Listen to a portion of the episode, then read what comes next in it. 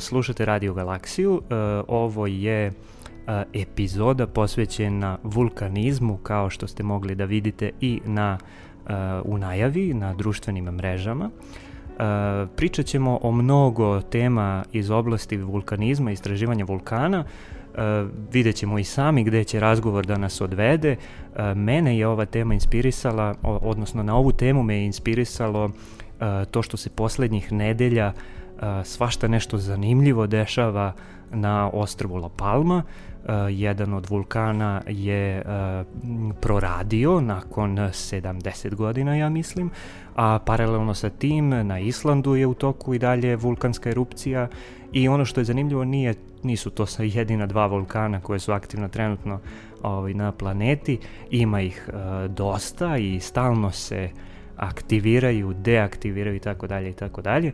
I uh, to je bila inspiracija za ovu temu u kojoj ćemo pričati o tome šta je vulkanizam, kako se vulkani istražuju, E, šta su to magmatske stene, šta možemo sve da saznamo iz različitih analiza i stena i raznih drugih indikatora aktivnosti vulkana, a e, sa nama je danas e, naš gost profesor dr. Vladica Cvetković, on je redovni profesor na Rudarsko-geološkom fakultetu u Beogradu, bavi se stenama, bavi se pre, prvenstveno, ajde da tako kažemo, magmatskim stenama i vulkanizmom, ali paleovulkanizmom, pričat ćemo kasnije i šta je, šta je to i Vladica Cvetković je i ujedno i dopisni član Srpske akademije nauka i umetnosti. Hvala vam što ste došli. Uh, Dobar dan, hvala na pozivu. Odnosno, ja sam došao kod vas.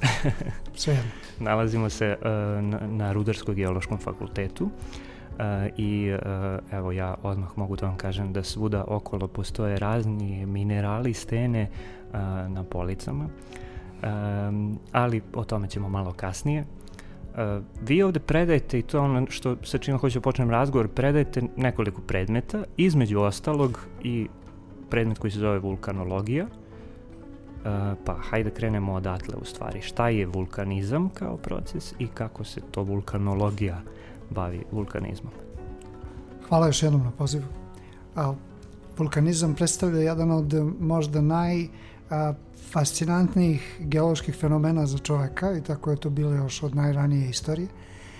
I, e, a tu je reč zapravo o vrlo jednostavnoj činjenici da se zemlja hladi putem vulkanizma. To je jedan od njenih načina da se ohladi, koji ona koristi zbog prirodnih zakona. Svako čvrsto telo u prirodi ima a, uglavnom jedan mehanizam za hlađenje, a to je kondukcija. Mm -hmm. Čvrsta tela uglavnom se hlade tako što se ta informacija o toploti prenosi iz čestice na česticu. Mm -hmm. Zemlja je u semi čvrstom stanju, odnosno u e, čvrstom stanju koje podrazumeva izvesno kretanje, u pojedinim slučajevima ili u pojedinim regionima. Što znači da se ona hladi kombinacijom kondukcije i konvekcije i jedan od najeksplicitnijih vidova konvekcije jeste kada a, dođe do vulkanizma i kada lava izbije na površinu i e, praktično nam da jednu informaciju da je zemlja vrela u unutrašnjosti. Mm -hmm. Vidite, na površini Marsa se e, dešava proces hlađenja jer je to termodinamički obavezan proces. Mm -hmm. Mars je takođe vreo unutra, unutrašnjosti, on takođe ima jezgro koje je gvožd, gvožd, mm -hmm. gvožđevito karaktera, ima kamenitu opnu, dakle potpuno isto kao Zemlja, mm -hmm. međutim na njemu nema vulkanizma zato što se čitav proces hlađenja na Marsu dešava kondukcijom, mm -hmm. čistom kondukcijom, prenosom toplote s čestice na česticu. Vi biste mogli da pomislite da na Marsu tako bilo uvek, međutim nije. Na, Marsu je bilo i tekako vulkanizma, najveći stari vulkan u, u sunčevom sistemu e, je Olympus Mons na Marsu, e, koji je višestruko veći od najvećih vulkanskih struktura mm -hmm. na mhm, zemlji kao što -hmm. su Mauna Loa, Mauna, Mauna Loa na Havajima. E, tako da e, mi dolazimo do onda do, do, do ove činjenice da je Mars prošao tu istoriju koju Zemlja još uvijek nije prošla, geološku istoriju, aktivnu dinamičku da, istoriju, da. živu istoriju, mm -hmm. jer, kao što rekoh, kod, u slučaju zemlje, osim što postoji kroz velike e, njene delove postoji kondukcija, u, na nekim mestima dođe do konvekcije, konvekcija znači pokretanje masa da bi prenele toplotu. Mhm. Konvekciju, i kretanje. konvekciju najbolje možemo da objasnimo u stvari kroz primjer vrenja supe, jel da? Znači imamo Jasno. e, na dnu šerpe imamo toplu podlogu, odnosno ringla greje tu Jeste. supu, topla I materija konvekcija ide... izjednačava Mhm, toplotu i temperaturu izjednačava u čitavoj tekućini. mhm. U ovom slučaju ste vi dali a, primjer supe. Međutim, s druge strane imamo i neki keramički sud u koji ta, ta supa može da bu- bude mhm, mhm. postavljena. U tom zidu keramike bi prenos toplote bio konduktivnim putem, prenosom Mhm, s čestice mhm. na česticu. To se dešava i trenutno u slučaju zemlje, ona ima jedan litosferski sloj koji je prosječno debeo oko 100 km, Mhm. a njegova debljina varira od samo nekoliko desetina do, do preko 200 km. To je ono što zovemo zemljina kora. Ne, to je Ne. ono što zovemo litosfera. To je... Izjednačavanje zemljene kore i litosfere je jedna od prvih grešaka Mhm. u laičkom posmatranju Mhm. geologije, ali mm, tu je malo, mm, stvar je malo delikatna, zemljina kora zaista postoji, ona jeste sloj koji se odvaja od svoje podine i to znamo mi kao geolozi a, Mhm. vrlo dobro. E, na granici zemljene kore i омotача кој е испод се налази дисконтинуитет кој е назван по Андреј Мохоровичиќу, mm -hmm, хрватском mm -hmm. сеизмологу. И тоа заиста нема геолога кој тоа не, не заврши прву годину а да не зна тај дисконтинуитет. Меѓутим тоа се учи во основна школа. Да, када е за да наравно и основна школа, али када причамо о вулканизму, тај дисконтинуитет не е битен, битни е mm -hmm. еден испод испод njega кој се налази na, kažem, prosječnoj dubini od 100 km Mhm. i možemo se zadržati čisto na toj dubini da ne bismo Mhm. a, mnogo bili detaljni.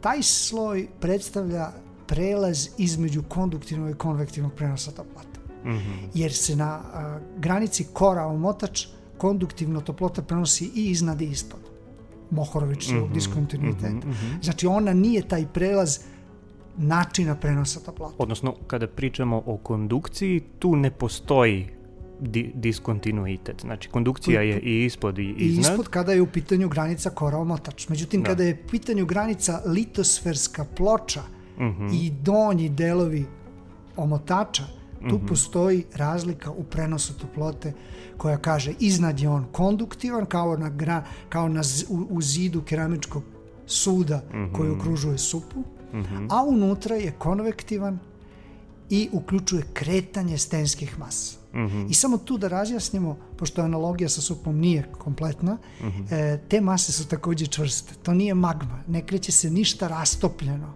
Mhm. kreće se u čvrstom stanju.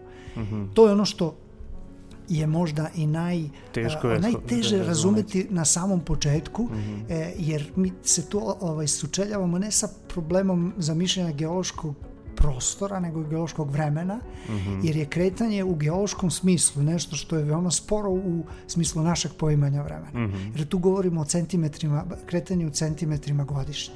Mhm. Kad kažete centimetar godišnje, vi ja ne bismo se približili za 100 godina, Mhm. a, ali e, stenske mase sa granice litosferske ploče, to znači ispod naših nogu na jedno 100 km, Mhm. ko, gde počinje konvektivni transport toplote, Mhm. su sišle dole do jezgre i vratile se gore 10 puta za vreme zemljine istorije, Mhm. jer ona traje 4,5 milijarda godina. Mhm. To je veliko kretanje, to je ozbiljno kretanje. Stenske mase su prešle ogroman put. Da, da, polupre, Taj put je- zemlje je e, Taj koliko? put je, se meri e, hiljadama kilometara. Mhm, mhm, jer pričamo o tome, to je podnožje litosferske ploče mhm.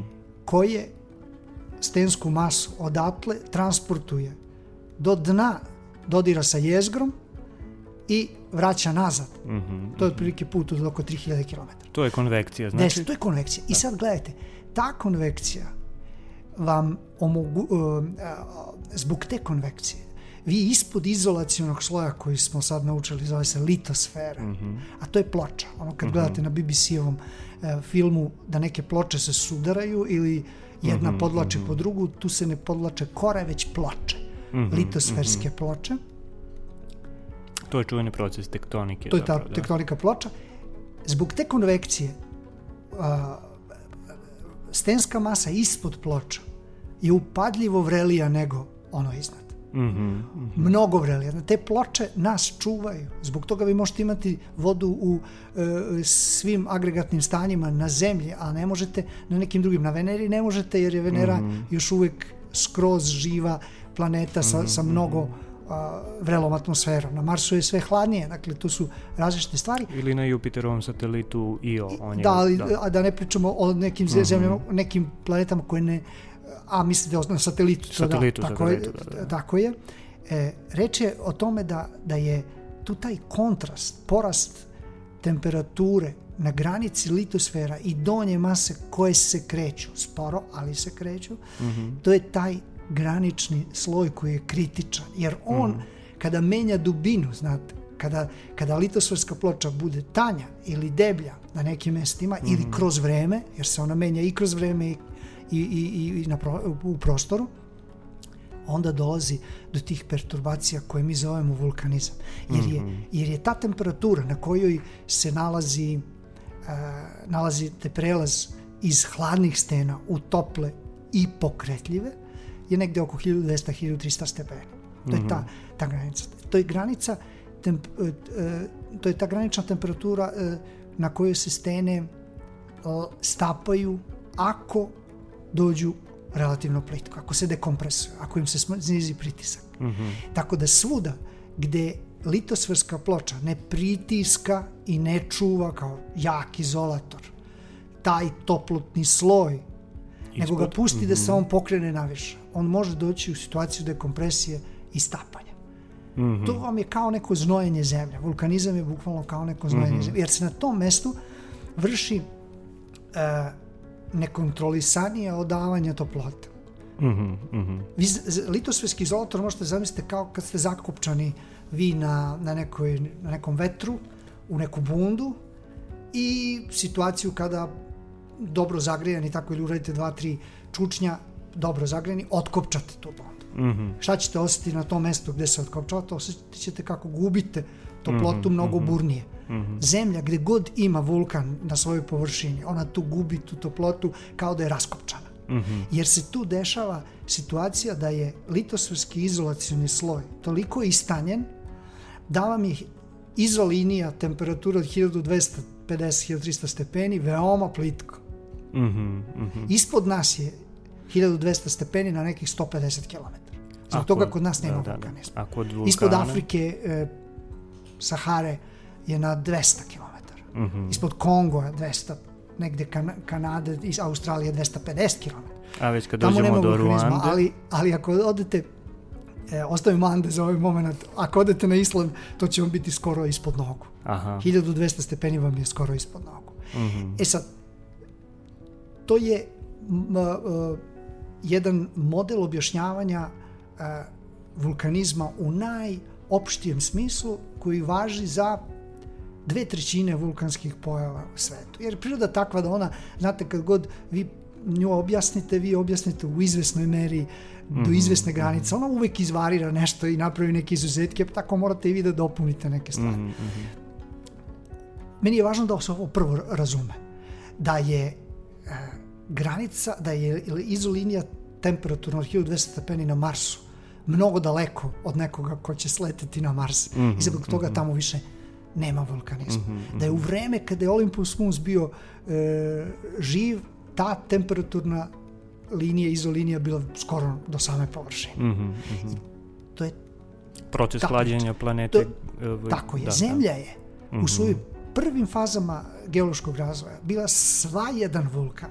Mhm, Zato što je izolinija 1200 bila na površini. mhm, A na hi- površini sva stena koju vidite na ovoj, oko nas će se na 1200 stapati. Mhm. Ja ću sad Tako samo da da... je sve bilo magmati, e, či- čitav jedan veliki vulkan. Mhm. Izvolite. E, Da, e, nekako me sad ovo navelo da dam jednu perspektivu pla- planetarnu zapravo, što Da. je na, na neki način i moje interesovanje, a, a to je da sva terestrijalna a, sve, sve terestrijalni Planeti. oblici e, e, pl- planeta, ajde Nebeskih tako tela, kažemo, okej. nebeskih tela, zapravo prolaze kroz taj proces diferencijacije i nakon Odlično. toga hlađenja. Tako je. Diferen, diferencijacije u smislu da teži elementi idu da. ka centru, oni laki ostaju na površini i nakon toga zapravo počinje proces hlađenja i meseci prošao kroz to i razni svi ti stenoviti sateliti, asteroidi koji su... Savršeno. Da. Ta perspektiva je isto važna, ona se potpuno mm -hmm. uklapa u ovu priču koju ja sada pričam. Sve terestrijalne planete imaju gvozdeno jezgro mm -hmm. i mhm. kameniti ovoj okolo. Mm -hmm. To ima i Zemlja. I to približno 3000 km gvozdeno jezgro i 3000 km kameniti ovaj. To je nekakva nije mudrost koji je to kamen. Mm -hmm. Mi znamo koji je to kamen. To je peridotiton, ima četiri elementa najviše silicijum, kiseonik, magnezijum i gvožđe. To su mhm. četiri elementa koji čine preko 95% tog uh, kamena. A u jezgru su uh, U jezgru gvožđe, čisto gvožđe sa da. niklom, da. zlatom mm -hmm, i ostalim mm -hmm. siderofilnim elementima, ali mi s gvožđem ne komuniciramo materijalno. Mm -hmm. Ne mhm, postoji mhm. ništa što iz gvožđa može doći do površine. A postoji nešto što znamo da je došlo sa dna omotača, sa 3000 km dubine, mm -hmm. na površinu. Mm -hmm. Naravno promenilo je oblik, ali je došlo, dolazi, to je to kretanje. Mm -hmm. E sad ovo što ste rekli za, za terestrijalne planete, a, činjenica da one imaju takvu građu, normalno implicira da su prošle izvesno a, sličnu istoriju i ta istorija koju ste vi pomenuli je to, prva, prvobitna diferencijacija. Ona kaže da, da bi se iz, izdvojilo gvozdeno jezgro, čitava planeta je morala da bude stopljena. Mm -hmm. Jer to je skoro tehnološki proces flotacije. Mm -hmm. Izdvajanja rude metala iz, iz neke jalovine. To vam je e, to vam je prošla svaka planeta. I onda je došlo do, učvršćavanja planete mm -hmm. i do toga, i do njenog završetka tog dinamičnog života ili mm -hmm. trajanja u izvesnoj meri. Kod nas još uvijek traje, na Veneri još uvijek traje, na Marsu se završio, na Mesecu se završio. Mm -hmm. A to kako e, izgleda e, e, planeta tog tipa dok motor njen živi, to je ovo kako izgleda Zemlja ili kako izgleda Venera. Venera je samo o, nama obskurna zbog te jake atmosfere, velike mm -hmm, atmosfere, pa mhm. onda ne možemo dobro da posmatramo, ali postoje pokazatelj da tamo postoji slična tektonika ili u svakom slučaju živa, živa uh, situacija, dinamička situacija uh, kao i na Zemlji. Zemljin motor je još uvek radi, još uvijek nije ugašen, za to je odgovorna njena veličina, mm -hmm. jer je imala prvo dovoljno svoje iskonske toplote, više nego Mars recimo, iskonske toplote koje je dobila sa žimanjem i tim mm -hmm. impaktima, u ostalom tako se izvršila primarna diferencijacija zbog tog celokupnog stapanja. Ali da je samo ta toplota bila u pitanju, ona bi se odavno ohladila, već je činjenica da je ona imala puno radioaktivnih elemenata koji, nju, koji su nju mhm. dogrevali.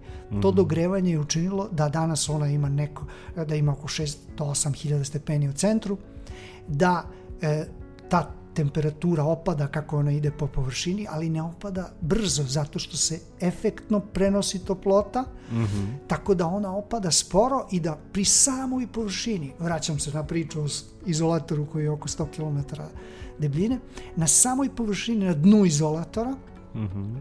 ona ima strašnu temperaturu za život ili za bilo šta, 1200 stepeni. Mm -hmm. E, ključi u tom izolatoru. Mm -hmm. Ona se od tih prvih faza, kad je izvršena ova diferencijacija, što smo rekli, i kad je ona izgledala kao čitav vulkan, mi to zovemo, u geologiji se to zove faza magmatskog okeana, mm -hmm. ne prošlu fazu mm -hmm. magmatskog mhm. okeana. Taj okean je postojao čak i kada je ona bila čvrsta u, u svojoj, kada je počela, jer je očvršćavanje zemlje išlo od centra ka, ka periferiji, ne od periferije ka centru. To je, mm -hmm. to je, to je zanimljiva stvar, tu postoji vrlo jedan diagram jasan koji pokazuje uh, kako, e, kakav je odnos krive temperature topljenja materijala od, čeg, od kojih je zemlja sastavljena i pritiska i vidite da ona ima negativan nagib mm -hmm. i zbog toga vam je e, hlađenje podrazumeva da vam e, prvo a, temper, da vam prvo postaju čvrste stene u dubini jer zbog mm -hmm. visokog pritiska one mogu da budu naravno na mnogo višoj temperaturi mm -hmm. nego one na površini, ali će pre da očvrsnu jer je pritisak da, da, da, pre će početi da se klade, da, da, da. Tako je, i zato je to mhm. hlađenje bilo od, od centra ka periferiji. Mm -hmm. Međutim, došla i periferija na, na dnevni red da bude ohlađena, tada možemo smatrati da je u tom jednom periodu uh, prvih stotinak miliona godina zemlja bila magmatski okean, Mhm. Koji je počeo normalno da se on oblači izolatorom. Mhm, mhm. Znači, ta- on kad je počeo se oblači izolatorom, zemlja je u, u svom centru već bila hladna um, i, i čvrsta. Ne hladna, izvinite, nego čvrsta. Ne, ovo sam, ovo je lapsus. E, Ona je bila čvrsta. E, tada počinje njeno oblačenje. Mhm.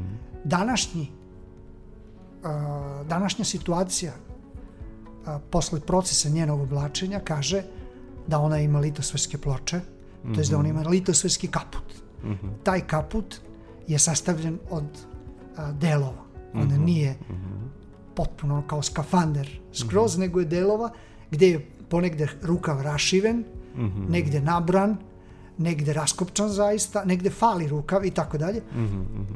U, u svakom slučaju taj kaput je nekompletan i on se menja, kao što se normalno i kaputi menjaju, stariji će se pocepati na nekom mestu. Osim što se menja u, u vremenu, on se menja i u, pro, u prostoru, dakle nije isti uh, na svim svojim delovima, niti će, kako geološko vreme napreduje, biti isti u takođe pojedinim, na pojedinim lokalitetima. Na nekim delovima je deblji, negde Na nekim je de- tanji, delovima deblji negde, i da. stabilan, debeo i stabilan.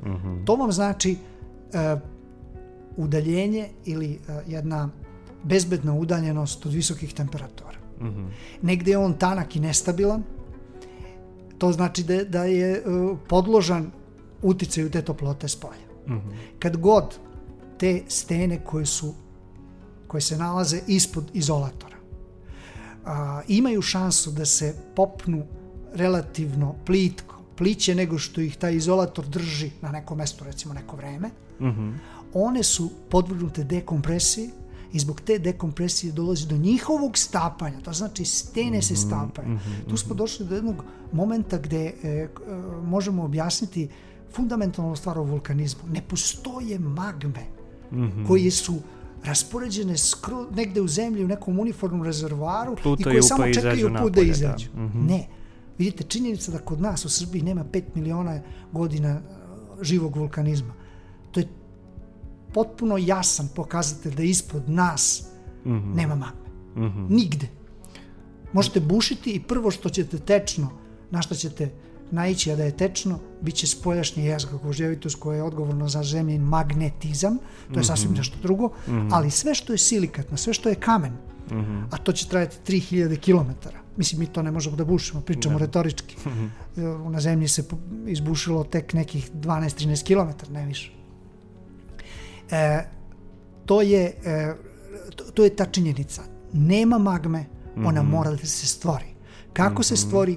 Stvara se najčešće popuštanjem litosferskog izolatora od hladnih stena koji čuva stene ispod od dekompresije i dostapanja. Kada se desi cepanje, kidanje, to su granice između ploča. Kada se desi kidanje litosferskog izolatora, to je par excellence šansa za tople stenske mase da pođu naviše malo brže i da se zbog dekompresije stope. Šta znači ta dekompresija? One se nalaze, ako se brzo uspinju, nalaze na sličnim temperaturama jer ne stignu da se ohlade, a te, pritisak im na, ja, ja, ovaj, naglo pada. Čim im pritisak naglo pada, temperatura ostaje bliska i, uh, onoj koja je bila, mi to zovemo adiabatskom dekompresijom, to, se- to je poznat proces gde zapremina tog materijala mora da raste. Mhm. I kada raste zapremina, to znači da iz čvrstog prelazi nešto u tečno stanje, to je to. Kad se to jednom dogodi, a događa se permanentno na sredinama okeana, jer tamo su ploče Jako podložne tanke, cepanju, da. tamo je izolinija od 1200 stepeni došla bukvalno na nekoliko kilometara ispod, Mhm. ispod morskog dna.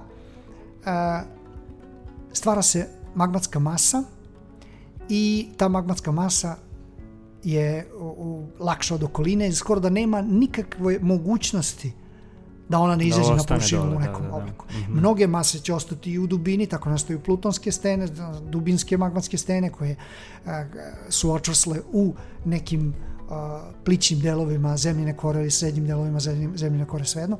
To su druge vrste stena, to nisu vulkani, ali e, suštinski posmatrano nemate ni jedan prostor koji proizvodi samo dubinske magmatske stene da nema vulkane na površini.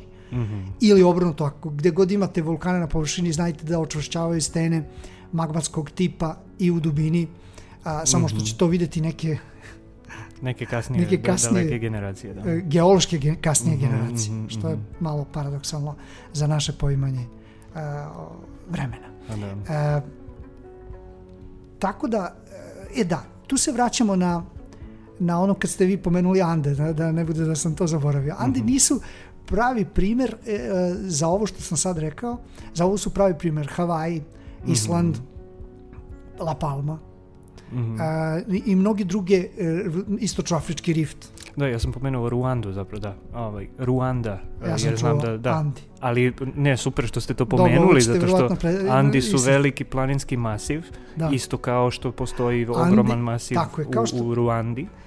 A, Jeste, samo što je Ruanda u Africi i ona pripada jednom ogranku afričkog rifta mhm, mhm, i e, više odgovara, i zaista u stvari odgovara ovoj priči. mhm, Međutim, mhm. postoji e, izrazito raširen vulkanizam u svetu, čak možda vulkanizam na koji će svako prvo pomisliti kada kaže vulkanizam, Mhm, a to je e, onaj tip vulkana koji se nalazi na vatrenom pojasu Pacifika ili u Mediteranu. mhm, To su dakle vezu vulkani Japana, Indonezije i tako dalje. mhm. Tu se dešava malo drugačiji proces od ovoga koji sam ja pomenuo i koji e, koji pokazuje da eto geologija uvek e, e, kao i sve druge e, kao i svi drugi prirodni procesi funkcioniše malo uz improvizacije i tako ne. Mhm, mhm. Znači ja sam sad ovde vama objasnio uh, suštinsku stvar za razumevanje vulkanizma, a to je da se zemlja hladi i da bi se ona hladila, njena izolinija 1200, tem,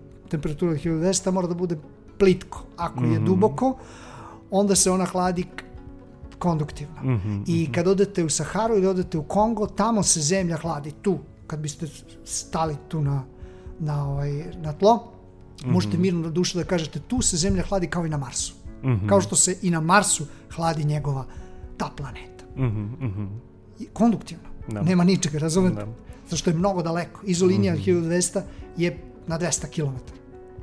U Južnoj Africi, zašto su oni u, u- u- ovaj, oni čuveni rudnici dijamanata i zlata tako duboko i kako je moguće Mhm. da se radi na rudnicima koji su dubine nekoliko hiljada a, metara. Zato što je tu izolinija od 1205 stepeni izrazito daleko. Mhm, Tako da možete da bušite, zašto se najdublja bušotina nalazi na polostrovu Kola, zato što je i tamo litosferska ploča tako debela. U, kod nas e, u rudnicima koji su tek nekoliko stotina metara dubine već ne možete da radite na neizdržljivo je biti u tim rudnicima. Jer toplo, mhm, temperaturni gradijent je takav. mhm, mhm. U Africi nije i tu kažem e, da se tu hlađenje vrši kao na Marsu. E sad vidite, to sam objasnio i lako je e, razumeti. Gde god je ta informacija o toploti plitko, normalno, Mhm. bit će uslova za vulkanizam. Šta se dešava u sada u tom vatrenom pojasu Pacifika koji uopšte ne podleže tom pravilu? Tamo, to je- tamo ne puca litosfera. Mhm. Tamo ona nije pustila vrele stene da izlaze najviše. Tamo se ona čak udvostručuje. Znači, zašto? Zato što jedna ploča podilazi po drugu. Pod drugu, da. Što znači, neko bi rekao, pomenu, pomislio odmah, pa tu u stvari kaput nabiraš ili kaput stavljaš e, preklapaš, kako tako, nije zakopčan, Da. nego je preklopljen. Da, da. Pa zar tu ne bi trebalo da očekujemo da Mnogo toplote nema, trenje, odnosno aha. temp- toplota treba usporeno sada da dođe do tamo. Mhm, I to jeste tačno ako se zadržimo na ovoj e, čistoj priči dekompresije i e, podizanja tih vrelih stena naviše. Ali ovde se dešava drugi proces koji je povezan s tim da ta ploča koja se subduk, koja se, se podvlači pod aha. koja u stvari zadebljava čitav taj litosferski sistem. Ona je nekad bila dno okeana. Mhm, Ona je zbog toga natopljena vodom. mhm, Natopljena vodom, to je vrlo jednostavno. Stene koje su bile bez vode, pošto su bile okeansko dno milionima godina, sada u subdukcijonu zonu dolaze s vodom. mhm, Minerali s vodom, kada e, ih stavljate pod to znamo po eksperimentima, na, na visoke pritiske i visoke temperature, raspadaju se, o, odaju tu vodu. Mhm. Predaju je, jednostavno jer ne mogu da je zadrže, Da, da, nisu odnosno stabilni. voda, voda e, dešava se taj fazni prelaz vode, a samim tim kad se desi fazni prelaz vode... Kristalna struktura se kristalna menja struktura i se menja. ona više ne može vodu da drži u sebi. Mhm. Tako da vi sad imate proces u subdukcionim zonama takav da minerali gube vodu, Mhm. Zbog toplote koja a zapravo gube je dolazi, tako da. što poniru u vrele Mhm. stene i prenose im vodu. Mhm. I sad vidite koji se proces dešava. Vrele stene se nalaze na dubini na kojoj nisu bile za stapanje. Zato što su bile pritisnute s dobrim izolatorom. Mhm. Sad im je došao neko ko ih je čak i ohladio donekle. Što znači još ih je udaljio od stapanja. Zato što je činjenica da neka ploča tone, ona tone zbog toga što je hladna Mhm. i teža. Znači, dva paradoksa koje nas odvlače od magmatizma i od vulkanizma, od stapanja. Mhm. To su prvo ne, postojani izolator koga, ko, koji, koji stoji iste debljine i poniranje ploče koja hladi sistem. Mhm. E, ono što se uz to dešava to je da se odaje voda iz minerala koji su do tada bili na morskom dnu. Mhm. Pa su tu vodu preneli u duboke delove. Ta voda snižava tačku topljenja tim stenama Da. i one se sada, iako su na istoj dubini, iako su čak i malo ohlađene, Mhm. one se stapaju. Da, zapravo da. Kada se na tim uslovima izvrši stapanje, tu onda posle proces ide isto svojim mehanizmom uspinjanja tih magmi i više niko njih ne može da zadrži. Mhm. Ali je sad tu u razumevanju mehanizma stvaranja tih primarnih rastopa, jer kod svog, svakog magmatizma i vulkana bitno je razumeti kako se stvorilo ono prvo Mhm. a, magmatsko u, u tom sistemu. Kako je došlo do stampanja, jer to je ono što sam rekao, nema magme u, kao jednog postojanog rezervoara koji treba samo da izađe na površinu. Da. Ne, moraju one da se stvore. E ovde je e, objašnjenje u tome da je voda doneta subdukcionim zonama odgovorna za snižavanje tačke topljenja I, i samim tim... stvaranje primarnih magmi, a one posle normalnim fizičkim e, procesom moraju da odu na površinu i da se negde emituju, smeste ili kao dubinske stene, kao i malo pre što sam objasnio, ili na površini kao vulkani. Ali zato tu u, u, u, u- podršku ovog a, procesa koji sam sad objasnio, a to je prenos vode i stapanje, dolazi i činjenica da su vam tipovi vulkanske aktivnosti u takvim zonama uglavnom eksplozivni Mhm. tada imate mnogo eksplozija, zbog čega? Zato što je voda vrlo važan faktor kod tih magmi. Mhm. Mhm. Kod onih drugih situacija, kada je samo dekompresija u pitanju, kada se vrši Tu su mnogo sporiji stena, tamo vode nema da. toliko. Mhm. Nema je. Jer definitivno u zemlji ima, u, u stenama motača ima malo vode. Mhm. I makoliko da ona voli da ode u rastop i da se obogati u rastopu, ona se nikad ne obogati toliko da to budu e, velike e, snažne erupcije, uglavnom to budu izlivi lava Mhm. Mhm. i na La Palmi uglavnom dominiraju izlivi bazaltne lave, a, a ne neke snažne eksplozije, ali e, zato na vatrenom pojasu Pacifika su smešteni svi vulkani koji su imali a, najsnažnije eksplozije u poslednjih šta god hoćete, u poslednjem veku, poslednjem milenijumu, u a, holocenu, što je poslednje ledeno doba, ili u poslednjih milion godina Krakatau je svi jedan tamo. primjer. Krakatau je jedan od primjera Mhm. nekih onako snažnijih erupcija, ali daleko od onih najsnažnijih. Mhm. Ovo bi bilo, samo da rezimiramo, samo da ja napravim ovaj, jedan eh, kratak rezime, a, bi bile po, po meni važne informacije za nekoga ko hoće da razume vulkane. Ono eh, što su fakta o vulkanima, što su činjenice ili podaci, to ja ovde nisam pričao. I nekom će možda e, biti ovo um, jedna možda će imati osjećaj da nije naučio, da nije mnogo naučio jer je nekako zdravorazumski pričano uh, o tome šta je toplije, šta je hladnije, šta je lakše, šta je teže, Da, šta to, se stapa šta to je ne. zapravo najteže To je sve. shvatiti procese. To je sve. Sve drugo vam piše na Wikipediji. Da, da, da. Da, Um, da. dakle, ajde da, da ponovimo samo, pričali smo nekih pola sata za sad. Um, ono što je suštinski važno je da uh, magma ne postoji u, u zapravo u, u zemljinom omotaču, nego se stvara na granicama gde temperatura uh, je dovoljno visoka i dovoljno blizu zapravo da površini stene. da stopite stene i tako nastaje magma, a ona se kasnije oslobađa i mora negde da ode, a cela zapravo uh, ajde kažemo ta, ta temperaturna dinamika planete funkcioniše tako što se jezgro hladi, a samim tim što se jezgro hladi, ta toplota i to hlađenje se zapravo dešava uh, kondukciono i konvekciono uh, do same Bože. površine. Um, kad ste pomenuli, sada pomenuli smo, uh, rekli ste Island, pa ne znam, na Balkanskom poluostrovu nema vulkana aktivnih, uh, ima onih koji su bili aktivni pre više miliona godina. Uh, imamo vatreni pojac Pacifika, imamo svašta nešto.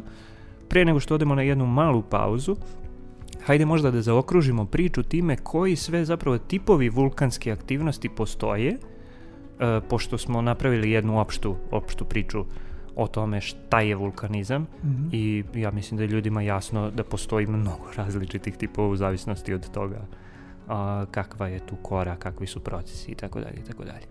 Da. Uh, ja ne bih išao na mnogo detaljniju ponudu, po, podelu izvinite, od one koja kaže da imate aktivnost e, dominantno izlivnog tipa i aktivnost dominantno eksplozivnog tipa. Mm -hmm. Či e, jasno je da, da je ta, da je tu reč o emitovanju rastopljenog stenskog materijala, mm -hmm. koju bilo stenu uzmemo sada sprašimo, stavimo u peć, mi ćemo dobiti magmu ako je zagrejemo na dovoljnu visoku temperaturu. Mm -hmm. Rastopit ćemo je.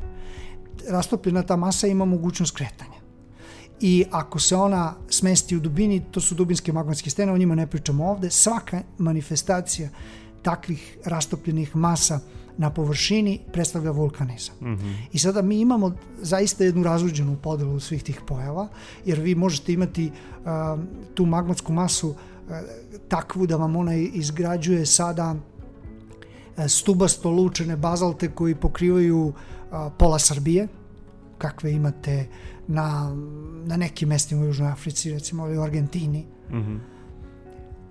A zatim može to da bude jedna mm, običan proboj u nekim drugim stenama, u nekim metamorfnim stenama, proboj magmatski koji je plitko intrudovan i koji čini neko telo koje mi zovemo dajkom, to je nešto vrlo uh, manjih dimenzija.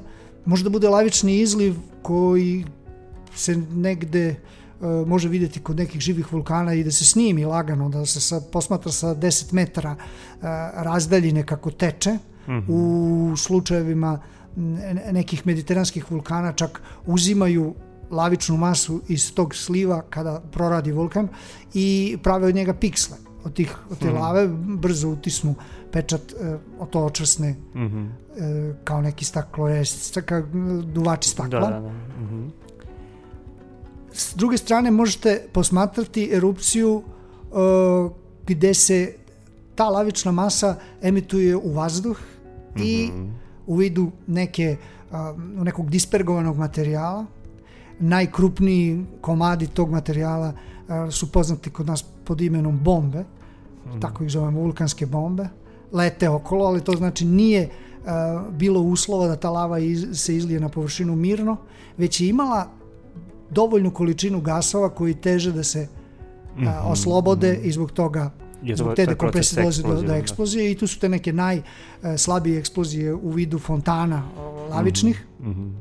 A sad na drugom ekstremu imate da se lavična masa od kubnog kilometara kilometra, jednog kubnog kilometra, zamislite, milijardu kubika, mm -hmm. emituje u vidu prašine koju jedva možemo da vidimo čestice te tek pod mikroskopom. Mm -hmm, A sad zamislite snagu te eksplozije koja je uspela da lavičnu masu fragmentira u čestice dimenzija, submilimetarskih dimenzija i da to sve uradi sa materijalom koji je od kubnog kilometra mm -hmm, mm -hmm. reda veličine. Da, to je jedan To je taj veliki dijapazon. Mm -hmm. Ja bih za, za ovu, ovaj naš susret uh, sve to na tu podelu izlivnog i ne i, mm -hmm. i eksplozivnog. Mm -hmm. Dovoljno, mislim da je i Mislim da ljudima je dovoljno da... I, Ovaj, I tu bi po- povezao samo sa jednom činjenicom. E, izlivne su uglavnom one mase koje e, nemaju dovoljno gasova mhm, da bi se njihovo nagomilanje prvo izvršilo, a zatim i ne, nekontrolisano oslobađanje. mhm, Jer mhm. to je svaka eksplozija vulkanskog tipa je fenomen šampanjske boce. Šampanjska boca je to, na- nekontrolisano Mhm. nagomilanje gasova. Prvo morate da, da, da, da imate situaciju da ih ima u toj tečnosti, jer ne možete od obične vode napraviti o, Mhm, mhm. A neko- da onda ih nekako ne- neko oslobodite. impresivno otvaranje boce. Ne, Mhm, ne možete, ali od, s kiselom vodom već možete. Mhm, E tako, to vam je isto i kod, e, i kod ovih la- lavičnih e, masa. Ako je to nešto poput obične vode, izlivaće se. Mhm. Naravno, sad tu postoji veliki dijapazon, imate nešto što se izliva zaista e, kao pokretljivo, kao što su neke bazaltne lave, i nešto što se uopšte ne može povezati sa terminom izlivanje, nego se samo nadima. Toliko je gusto Mhm, mhm. da i viskozno da je e, njegovo kretanje, kretanje te mase ograničeno na ono metar dnevno i naraste koliko naraste za 10 dana i ostane kao neka neka domalna forma, mi to i zovemo lavičnim domama. S druge strane imate bazaltne lave koje su manje viskozne, koje se kreću, mogu da se kre, kreću i, i mm, najbrže lave se kreću nekoliko desetina metara na sat. Mhm, To je to. Ima bržih, ali mm, to su sad ekstremne uh, lave ekstremne, ekstremnog sastava kao što su karbonatiti koji ne mogu da idu nešto brže, ali oni su vrlo redki. To vam je neka najbrža lava. Mhm. E, I to je ovo što smo imali na La Palmi, to je bazaltna lava, Mhm. i što imamo na Havajima, bilo je Kilauea erupcija relativno skoro, to su takve erupcije. To je taj spektar izliva. Mhm. On naravno postoji od do od ovih najgušćih do ovih najređih razni, Da. razni oblici. E sad, kod eksplozija, to sam već pomenuo, spektar se uglavnom određuje snagom. Jedno je ako je to fontana koju možete snimiti e, sa rastojanja od 150 metara, a to se dešava na u slučaju havajskih nekih Mhm. vulkana, u slučaju nekad i Etna može da ima tako U Indoneziji. s- slabiji, da, to su ti najslabiji Mhm. e, e, eksplozivni događaji, ali zato u slučajevima nagomilanja veće količine gasova, pogotovo kada magma postaje i sama gušća zbog sastava, to je sad ovo što smo malo pregovorili kod izliva, imamo dijapazon od gustih i tečni i um, pokretljivih, Mhm, mhm. ovamo imamo dijapazon, odnosno spektar od manje gasova i mnogo gasova. Mhm, mhm. E sad, ta dva morate negde da spojite i oni se spajaju, Da, jer to to su su dva koordinatna sistema i da, onda da, da. možete da Mhm. dođete do ubitačna kombinacija. To je gusta lava Mhm, Sa koja je puno gasa. Kapirate, to je, Da, da, to je da. najgore scenarij. Da. Zato što je kod bazalta koji mogu imati neke gasove, opet činjenica da oni brzo naprave veliku površinu kada se izliju, Da, Ta da su manje, da su manje gusti, kaže zapravo da on, lakše da se hlade. omogućava odlazak gasova Mhm. o, brže nego što, e, što bi bilo da ta površina nije velika. Mhm. jer oni imaju tu pokretljivost i zbog toga gube gasove brže. Ali ove kisele magme, magme sa puno silicijum dioksida, one su istovremeno i guste i bogate gasom i onda kod njih se taj fenomen šampanjske boce. E, to vam je sada situacija kada čep ili polagano po, popuštate ili ga ili mućkate bocu, a ne otvarate ga uopšte, pa onda naravno. To je to je situacija kod e, kod tog lošeg scenarija kiselih e, magmi sa puno gasova, e, tu samo treba dodati još i parametar količine. Kada se i on poklopi, kada se tu radi o kilometrima kubnim, od jednog kilometra pa naviše, Mhm. onda je to on- onda to postaje od lokalnog, regionalni problem, a onda i globalni. Iako je još i ceo, celo to područje na kom se nalazi ta erupcija zapravo tankog, tanke, Tanke litosfere. litosfere, onda može da nastane veliki E, to je problem. onako jedno e, fino pitanje e, koje pokazuje da, da, razmišlj, da vi i ja razmišljamo sad na, na isti način, a sad ću vam reći zašto to ne igra veliku ulogu kada su pogotovo eksplozije u pitanju. Mhm. Kada su izlivi igra i to obično tako što e, vi e, gde se desi vulkan, on se dešava po nekim rupturama, jer vam uvek litosfera puca po nekim rupturama, ona je kruta, razumete, i tako puca. Ne, neće da se otvori kao, kao neki veliki otvor, kao neki okean, bivalo je toga u geološkoj prošlosti, to smo rekli, ali sad ne. Sad puca po rupturama. I tu zaista dolazi do, do, do, ovaj, e, do toga da ulogu preuzima činjenica da je litosfera tanka regionalno. Mm -hmm. I te rupture mogu da vam imaju uh, razne oblike, možete, možete imati sistem ruptura. Mm -hmm. e, I to su bile me, mega erupcije bazaltne lave, poslednja je bila 1783. vulkana Laki na Grimsvotn na, na Islandu.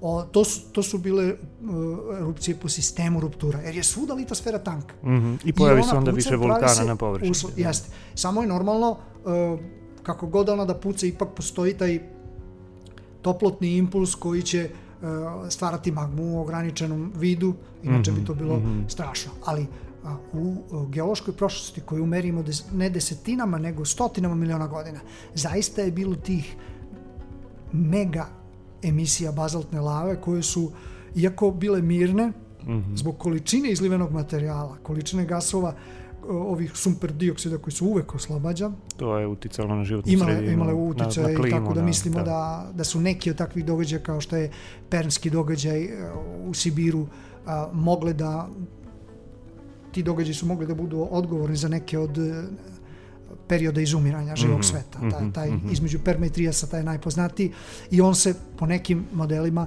povezuje sa tim nastankom sibirskog bazaltnog vulkanizma koji je te, te starosti.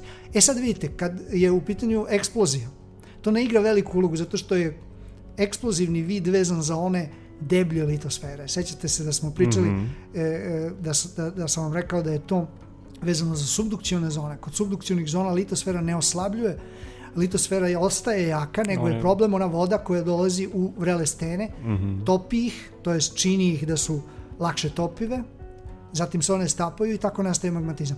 Tu litosfera ne popušta.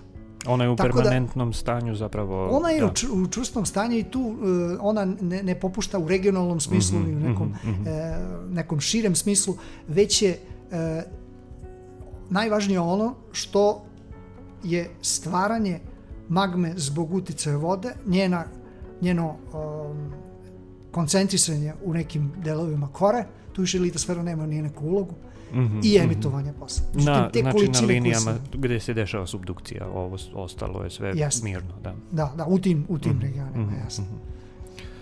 Uh, dobro, ajde napravimo jednu pauzu.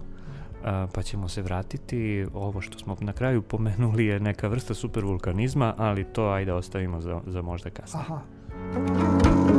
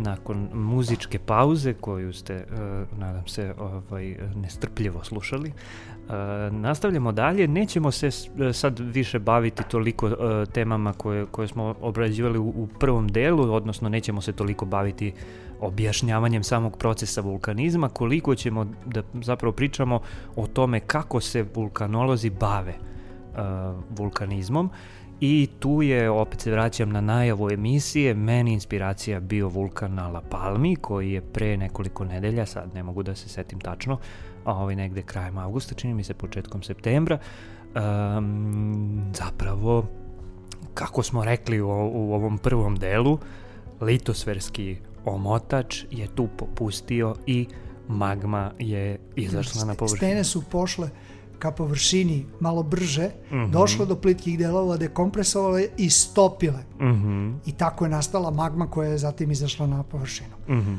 Dakle, tu je, to je stvar sa pričom o La Palmi i e, zaista je istina da su La Palma predstavlja region, uopšte Kanarska ostrava, region koji se dugo godina posmatra i uh, I tu nije samo taj jedan, da, ono što, ne, što nisam pomenuo, to je uh, uh, eruptirao je taj uh, ku, kumbre, Kumbrevije, kumbrevije mm -hmm. ovaj, a to je zapravo ceo jedan, je jedan rift, rift sa više, linija. da. Da, niz, niz praktično nekih vulkanskih centara kroz, koji čine zajednički jednu pukotinu koji ide skoro sever-jug i mm -hmm. koja je uh, odgovorna sada za izlivanje ove bazaltne lave u velikim količinama.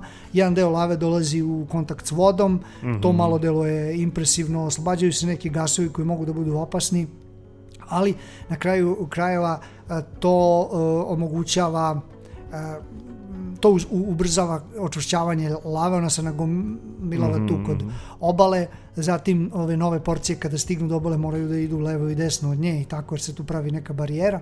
U svakom slučaju e, postoji, postoje vulkanske observatorije koje prate e, sve vulkane na Kanarskim ostrovima kao i e, mnoge vulkane druge koji su živi i koji su aktivni u svetu. Najpoznatiji je ona kod Vezuva, jel da? Tako je. Da. I e, danas i posljednjih decenija e, postoji jedan vidan napredak e, tih metoda koje se koriste pri praćenju i predviđanju vulkanskih erupcija. E, nekada, početkom vulkanologije, vulkanologija je praktično rođena na Vezuvu i na Havajima, gdje su formirane prve observatorije. Naš osnovni ključ u posmatranju je bio da vulkani rade onako kako su radili u prošlosti. I mi onda prosmatramo e, stene koje su emitovane iz tih vulkana ranije i e, razumevajući to kako su one nastale, kojim procesom, rekli smo malo pre, postoje dva gruba vida ili izlivna ili eksplozivna aktivnost, proučavanjem e, tih vidova mi dolazimo do neke ideje o tome kako će vulkan raditi u budućnosti. E, nismo mi napustili ni taj, mada neko može da zvuči trivialni pristup, e, ali na sreću našu danas postoje stvarno rafinirane metode. Mhm. E, Mnogi od njih su e, pripadaju onoj grupi remote sensing tehnikama, tehnikama daljinske detekcije, gde se snimci različitog karaktera mogu praviti, su hiperspektralni snimci koji posle se čitaju raznim metodama i iz toga dobijaju informacije o tome gde ima gde postoje koja variranja u temperaturi, e, variranja u emanaciji gasova, što je važno. I danas e, imamo vrlo važne tehnike vezane za e, ne za snimke tog tipa, već za čitanje signala. Znači, e, vrši se merenja koje se očitavaju u isto vreme, to su te lidar ili radar tehnike, gde se e, uglavnom proučava, proučavaju perturbacije u ove geodetske perturbacije, dakle Tla. onaj e, nivelacija terena, e, bilo kakvo vibriranje tla ili pomeranje tla a, koje se može u nekom vremenskom periodu kontinuirano pratiti, daje nama informaciju o tome da li se vulkan sprema za nešto ili ne. A šta je sa, da, geomagnetske? Jel postoje neke tehnike? Tako je, i geomagnetske tehnike isto postoje, ali one se e, konkretno, one se koriste u geologiji, ali ove koje e, e, a, u suštini prate bilo kakve pokrete u plitkom delu kore. Jer magma se nalaze u plićim delovima. To, to, tu nije reč o zemljotresima koji su e, duboki, koji se, gde se meri e, 100 km i više e, ta aktivnost ili dubina epicentara, to jest dubina hipocentara. E, već se radi o jednoj plitkoj seizmici e, gde se e, u stvari isključivo želi saznati kreće li se neka magmatska masa ka nama ili ne kreće. Jer činjenica da negde imate živi vulkan, kao što sam malo propomenuo, e, znači da magma negde dole postoji. Mhm, mhm. Živi vulkan, ako konvencionalno uzmemo da je to neki vulkan koji je radio u posljednjih 10.000 godina, to je jedna od definicija, ona je dovoljna da svaki vulkan a, koji podleže toj klasifikaciji kao da je živ, a, svaki, svako to područje ima neku magmatsku masu ispod. Mhm, mhm. Samo je Mi pitanje... moramo dobro znati e, da li se ona kreće ka površini ili ne, ili miruje i e, da bismo to saznali, onda moramo e, kombinovati tehnike, Mhm, mhm. e, a ne posmatrati ih izolovano, e, jer je jedna stvar da vidimo kako se koleba temperatura na samoj površini, druga stvar da li Gasovi. ima razlike u emanaciji gasova, jer svi vulkanski tereni emituju gasove, ali neće biti trivialno ako se količina emitovanih gasova promeni ili poveća pet puta za nedelju dana. Ili- To će biti neki signal. Da. I pitanje kojih gasova i tako dalje, da? Da. Pritom, znate, dolazimo onda i do ove uh, do, ove, do ovog prvog parametra kojim sam počeo, a to je sve vreme moramo dobro znati uh, na koji način taj vulkan radi. Jer gledajte, ako vi imamo jednu logiku da je uh, količina emitovanih gasova vrlo važan faktor. U Yellowstoneu se ti gasovi stalno emituju. I imate i čak fluktuaciju u, na mesečnom nivou može da bude vrlo izrazita fluktuacija. Neka koja bi kod nekih manjih vulkana bila ozbiljan, Mhm, upozoravajući parametar ako bi se to dogodilo. Ali mi znamo da Yellowstone radi na e, nekim e, Mhm. m- m- sm- m- ovaj, e, e, u nekim podfazama ili nekim e, mirnim periodima koji traje, traju desetine i stotine hiljada godina. mhm, mhm.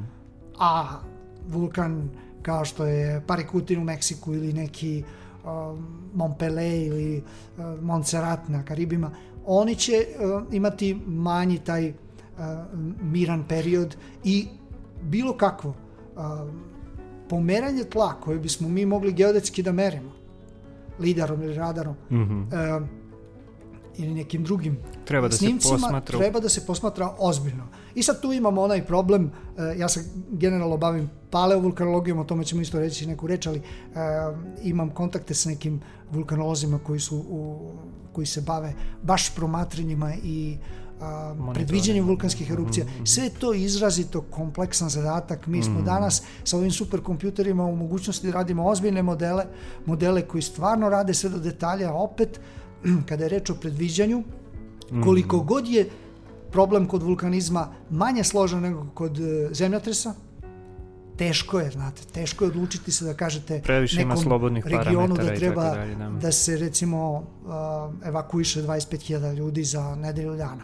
Što se može dogoditi, evo pominjem sada observatorije na Karibima, tu mi je jedan kolega rekao da je njima taj e, razgovor s novinarima vrlo važna, vrlo važna stvar.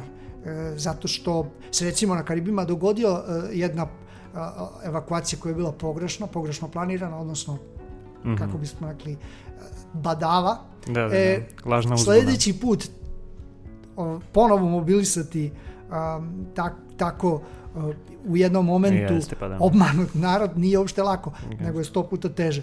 I onda oni rade taj uh, poseban briefing gde nekako pokušavaju da prikažu taj svoj posao kao izrazito složen, a, Mhm, da opet e, m, javno mnjenje mora nekom da veruje da su oni ti Mhm, kojima treba verovati, ali da ne treba od njih tražiti Naravno, e, ne nešto što je 100% sigurno. Jest, da. Malo podsjeća i na ove priče Sa sada o vakcinaciji, da. on, ali on, e, hoću samo da završim jednom, jednom stvari koje, koje on, on meni ispričao da oni imaju tako nekada za novinare priču gde im kažu, ok, vi želite od nas taj jedan e, vrlo precizan odgovor, kada će i kakva erupcija da se dogodi, koliko će da traje Mm. I gde treba da kuda će da ide, da, Mm. da. recimo piroklastični tok, što je jedna od najopasnijih e, pojava u, u eksplozivnom vulkanizmu. Mhm.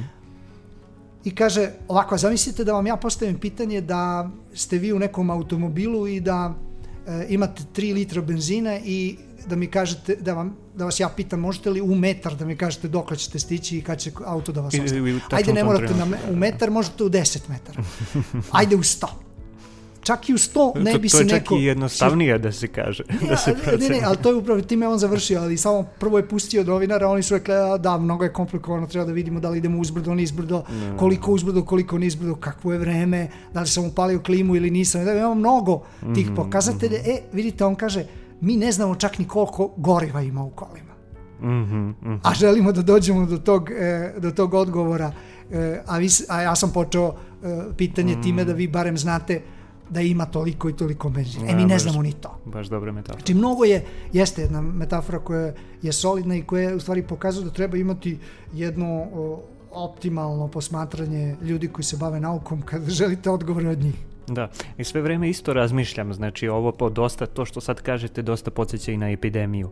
Da, A, odnosno, mi za... na odnos prema naučnim informacijama koje dolaze, a vezane su za epidemiju. Ja sam mislio na Da, to. da, a- ali č- čak i to, ja nisam mislio na to, ja sam Aha. više mišlje, mislio na modelovanje i na to e, da li možemo da znamo kako će tačno Dobro. da se odvija epidemija i tako dalje. Postoje vrlo um, detaljni modeli koji su danas isto zbog Mhm. super računara i tako dalje, e, dosta dobro mogu da predvide ove Mhm. razne neke stvari, međutim, e, tolika je variabilnost faktora koji, koji jednostavno e, ne možemo da sagledamo A na u, tome u onda modelu. pada to dosta dobro. Jeste. Ali da, ali i je to. to, on- to je ono što, što isto i kod epidemija imamo. Mi se u stvari oslanjamo na prethodna znanja i prethodna iskustva iz prethodnih epidemija. Pa i kombinujemo, da.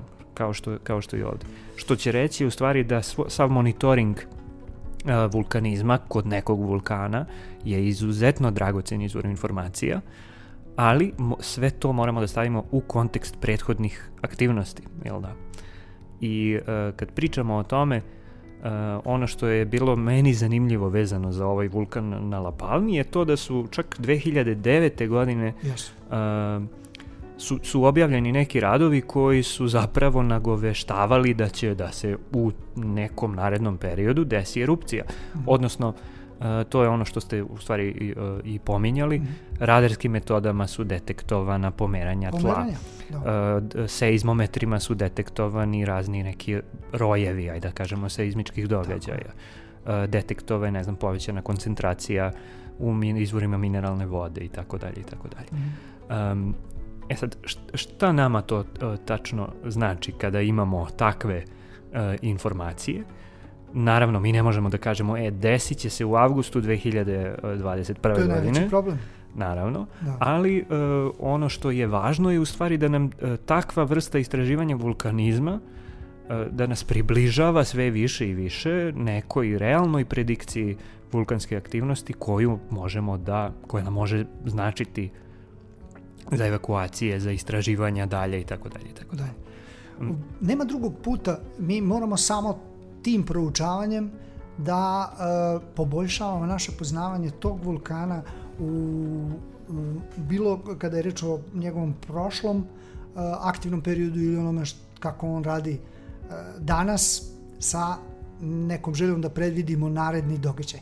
Još dugo nećemo moći u najvećem broju slučajeva da imamo predikciju takvog tipa koji bi zadovoljavao svakoga i koji bi rekao da u subotu prepodne spakujte se jer u nedelju uveče dolazi ta, taj i takav vulkanski događaj. To, to se neće dogoditi čak ni kod onako vrlo poznatih vulkana i onih koji se, gde je monitoring najsloženiji I gde se moguće. vrlo često dešava da. erupcije. Jer vi, jer postoje slučajevi kad je El Fuego vulkan je ne, koji je imao erupcije pre nekoliko godina, e, on se nalazi u pojasu pojasu Pacifika u Srednjoj Americi i sad tamo se dešavalo da, da su e, solidno predviđeni e, eksplozivni događaj koji će stvoriti eruptivni stub visok preko 10 km. To se sve otprilike znalo, ali vi imate sada jednu situaciju da kod tih eruptivnih stubova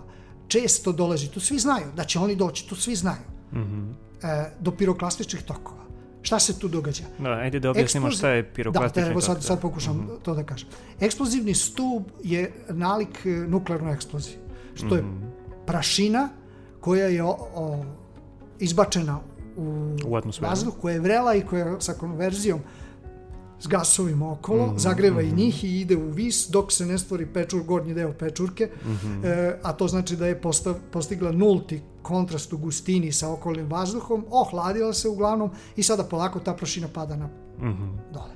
U samom podnožju imamo i izbačajni deo, tu lete veliki komadi stena, jer je tu snaga tih eksplozija ogromna. Svaka e, velika erupcija koju mi u vulkanologiji zovemo pliniskom erupcijom kao erupcija po onoj erupciji Vezuva iz 79. Koju je godine opisao Plinije. koji je da. opisao, jedan je poginuo, stariji, nije mlađi je opisao.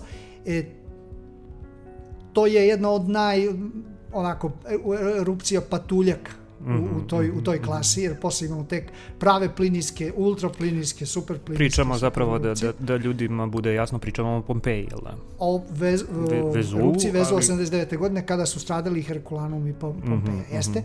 E, svaki taj stub je imao sličan izgled.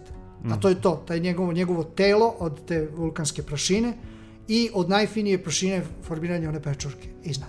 E sad, ne postoji ni jedan eruptivni stub koji nije doveo do periodičnog formiranja piroklastičnih tokova. Zato što je njegov stup dogodio on izgleda kao nuklearna eksplozija. Toliko uh, uh, od suspendovanog materijala koji je redak, koji je male gustine, koji se zbog toga uzdiže naviše. U nekim momentima on postaje toliko gust, jer se erupcija sve vreme odvija. Mi pričamo o nečemu što može da traje mesec dana. Da vi mesec dana vidite stup, koji normalno menja oblik zbog vetra i tako dalje, ali postoji. Mhm, mhm. U svakom slučaju se nešto, nešto što se meri danima. I u jednom momentu dolazi do toga da je ta, e, ta, ta masa koju mi zovemo piroklastičnom masom, to su e, to je detritus, to je rastresita masa, to nije lava. Mhm, mhm. Sve je od lave, Mhm. Sve Ali je sada od, rastris. da, da, sve potiče od magme, samo što je sve lava zapravo... Naravno ima i odlomaka stena okolnih, ali Mhm. o, prosto lava je ono što je osnovni materijal. Mhm, mhm. taj piroklastični materijal, de, de, detritičan, rastresit materijal, bude nekada tako gust da on ne može da izađe u suspenziju, da se e, disperguje u vis i da krene kao stup, Mhm. koji je možda tako rastao danima, rekoh, nego se mora kretati gravitacijno, znači kolabira kao, Kreće kao da pada fluid se zapravo. krene, da, aha. krene gravitacijono niz padine vulkana. Znači ovo Mhm. do sada je suspenzija koja se podizala zbog toga što je laganija, pa je padala posle takođe kad postane teža, levo i desno i nek, neka prašina možda padne hiljadu kilometara daleko od vulkana. I možda pada mesecima zapravo. I mesecima Da, da. naravno jer leti. Ali piroklastični tok je nešto drugo. On je taj isti materijal, samo u, u, u, u toj meri gust da ne može da leti u vis, nego mora da ide po padini A opet vulkana. nije dovoljno gust da bi se kretao sporo kao lava. Tako je, to je dobro, to je dobra stvar, zato što se on kreće kao e, nenormalno brza suspenzija. Ne postoje ti fluidi koji se u prirodi kreću uh, tom brzinom, uh, osim nekih uh, orkana ili nešto tako, nekih Mhm, mhm, mhm. vazdušnih masa. Vazdušni, da. Za vodene mase nisam siguran, sad razmišljam dok pričamo, e, tsunami koji ide po, po sredini okeana ili oni čuveni rok, talasi veliki, Mhm. to isto ide nečim što se meri 100 do 200 km, ovo možda ide brzinom aviona. Znači ako ste Mhm. na 10 do 15 km daleko od tog piroklastičnog toka, a na putu ste mu, ako mu baš niste na putu, on može da vas prođe, prođe mimo vas. Jer oni se kreću, sve zavisi naravno od njihove veličine. da. Oni, oni nekada e, e, prate neke jaruge i Mhm, vole da idu po njima i ako ste možda mimo neke jaruge neće baš o, da vas prekrije, ali ako ste na putu tu stvarno nema bežanja. Mm. Vulkanolog kada je bila erupcija e, Svete Jelene, Mount St. Helen 80. godine, Gde je to? e, u- na u kaskadnim planinama u Americi, znači na zapadu Amerike, Mhm, mhm. a on je bio na 9 do 10 km i samo imaju snimak gdje je on rekao to je to, a oni su čekali erupciju, bilo je sve predviđeno. On je samo mislio da je na bezbednoj udaljenosti to 10 km. I sad ako su, ako su to bilo, ako je bilo ljudi koji su znali kako Mount St. Helen može da, da radi i na koji način e, može da se izvede ta erupcija, to su bili oni. Mhm. A on je ipak bio tu. Morris i Katja Kraft s, e, 92. godine, 91. godine Unzen, vulkan u Japanu. Mhm. Oni su poveli u smrt, osim njih dvoje stradao je Harry Glicken, isto vulkanolog i još par novinara. To je stvarno jedna, jedna velika greška bila e, ići na Unzen. Oni su isto pali pod tu činjenicu da tu vrstu variabilnosti, kuda će krenuti piroklastika, oni su išli da ga snime, oni su znali da ide piroklastični tok, Mhm, mhm, mhm. Ali je on krenuo baš onako tamo gde... Da, nadali su se da gde će on- moći da ga gde- izbegnu. Gde, da. mu se nisu nadali. Da ga izbegnu nisu se nadali, oni su samo mislili da će on ići na drugu stranu, Mhm. gde oni mogu da ga snime. A oni su znali da ako krene na njih nemaju be- šanse. To, jer to, to je stvar tog poznavanja. I ako znate da nešto ide ka vama, a ide brzinom 350 na sat, tu nema bežanja. To su- I njih je bilo, izvinite samo da kažem, e, njih je prekrio samo sloj pepela od, od pola metra. Toliko je bilo, 30-40 cm. Sloj pepela je bio pre, prekrio njih, ništa Da. više od toga. Ali ta o, Ali ima 300 kinetička energija svake čestice zapravo... I 300 o, stepeni je plus, bio. Da, Znači, da, da, sprženi su da, da, da. instantno. Užas. To je kao vetar od Da. 300 stepeni ide prema vama. Ne, nije, ne ubija ta, ta gustina. Ima piroklasičnih tokova i koji su gusti, na nesreću ni oni nisu hladni. Mm, Tako da e, po, postoje postvulkanski fenomeni koji su isto vrlo o, ubitačni, kao što su lahari, to su muljeviti tokovi, bujični tokovi, koji zbog toga što je, je vulkan u stvari građenje planine od detritičnog i ne rastresitog materijala. I prva kiša vam spira ogromne količine mhm. Tog a, materijala. blata, Niz koji posle, da, kad je kod vulkana Nevado del Ruiz 85. primarna erupcija je bila nekih nešto manja od Vezuvske, a i da je bila kao Vezuv ne bi bilo ništa, ali je i bila i manja po količini materijala. Tako da broj stradalih u primarnoj eksploziji bio nula, ali je zato celo selo 23.000 stanovnika prekriveno laharom. Živi su sahranjeni. Koliko se to nakon erupcije dešava? Koliko vremenski? To, to može se desiti 100 godina posle erupcije, može i, i, i 100 minuta posle erupcije. Aha, znači može da postoji no, mislim, samo... 100 minuta posle erupcije je uslovno rečeno zato što erupcija da, da. traje danima, ali e, neposredno posle erupcije, to se desilo neposredno, u mm -hmm. nedelji dve dana posle. Da, to se, da. A, a, ne znam šta da kažem, stvarno su ovaj, um, znamo da su zemljotresi ovaj, isto teška, teška prirodna nepogoda, vulkani mi sad deluju kao još teže. Um. E, sve, ne znam kako posmatrate, ako kažemo da ako pogledamo listu o, naj onih koji su najviše žrtava proizveli, onda -hmm. vulkani nisu čak ni u prvih nekoliko uh, nekih katastrofa prirodnih. Mm -hmm. Samo gledano po tome. Ako se izuzme glad, jer neki vulkani su povezani i sa globalnom, uh, da, globalnim problemom gladi, da, da. kao što je Laki vulkan ili Tambora. Mm -hmm. Tambora ili uh, ako se uzme u to da je vulkan Toba koji je najveća vulkanska erupcija u poslednjih milion godina kažu po nekim modelima, po nekim proučavanjima, ipak je to daleko, to je 75.000 godina uh, pre, uh, da je to uh, ozbiljno pomerilo evoluciju humanoida, dakle da se tu desi onaj fenomen bottleneck uh, evolucije, mm -hmm. gde je uh, svedena populacija tadašnjeg uh, tadašnjeg pračoveka na nekih 10 do 30 hiljada ljudi. Mm -hmm. I to je uz s jedne strane to je katastrofa, s druge strane je važno za onu evoluciju koja traži forcing, ne možete imati mm -hmm. samo mhm. genetske promene, morate imati i neki spoljašnji forcing da bi se mhm. efekti videli. Mm -hmm. a, po nekima je to bio a, za razvoj čoveka i, i vrlo, vrlo važan forcing. E sad kad pogledate e, listu katastrofa, u prvih nekoliko, u prvih desetak, 15 nemate ni jednu vulkansku, vulkansku priču. Uglavnom mhm. su to zemljotresi, poplave, tajfuni i tako, te mhm, stvari. -hmm. Kažem, izuzimam glad, koja, bi, koja je ipak indirektni fenomen. Pravi ovo, ovaj primarni vulkanski uticaj bi bio na vezan za ove uh, direktno piroklastične tokove, direktno uh, padavinske naslage koje bi rušile neke zgrade i tako dalje ili neke lave koje su mislim od lava je lako pobeći. Mm -hmm, mm -hmm. tokova ne, ali oni nisu baš tako česti. Mm -hmm. Tako da moramo kod vulkanizma uglavnom da posmatramo te indirektne, indirektne faktore. Evo kad je upomenuta La Palma, tu imamo isto jedno predviđanje koje je prilično crno, a to je taj tsunami koji bi mogao da se desi ako pola ostrva to samo upravo se, se, se uruši. Odlomi, da, mm -hmm. uruši.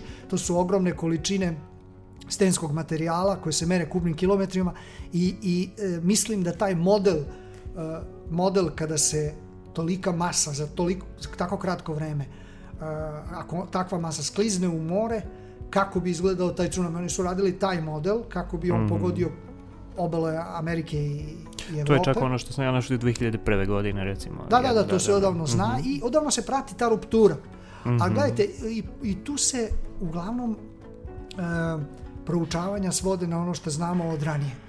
Znate, dok nismo videli kako izgleda morsko dno oko Kanarskih ostrova, nikom padalo na pamet nije da, da tako nešto Može da proučava. Da mm -hmm. Ali, s obzirom da smo mi još 60. godina dobro proučili čitavo morsko dno, to je najveći proboj u geonaukama, kada smo mm -hmm, pročitali morsko dno, kad smo videli da ono nije najdublje na sred okeana, nego da je tamo negde kod subdukcionih zona u Marijanskom rovu, mm -hmm. da su tu najdublji delovi okeana. I još mnogo drugih stvari geologija je pokrenuta. Mislim da je ona spavala prethodnih 50 godina prilično, prilično onako čvrsto. E, vidite. To se desilo, su... ajde, vremenski, znači, to se desilo, kako ste rekli, 60. godina.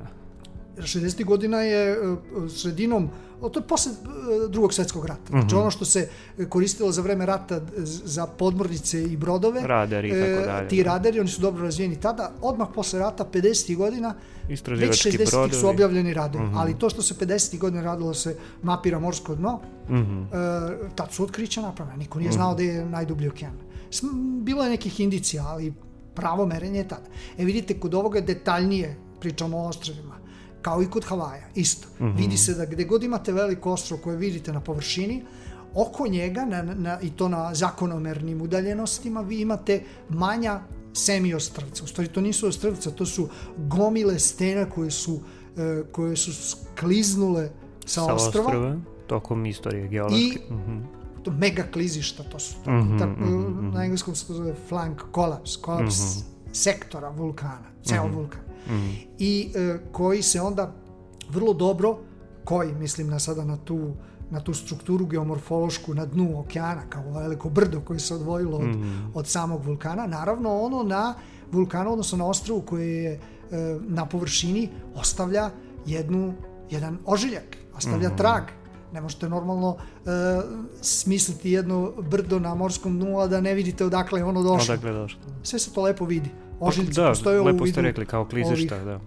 Da, kao kli- klizišta s tim što tu Mhm. treba koristiti reč, ono su prefiks mega, Mega jer je vrlo, da. vrlo onako neupitan kad, Da. je, kad, je, kad su te fenomeni. I kada ta upitani. velika masa, znači ono što je ovo što sam ja video u ovom radu iz 2001. godine vezano baš za La Palmu je Da. e, da su oni napravili predikcije, predikcije Da, na ako se to desi, dobro.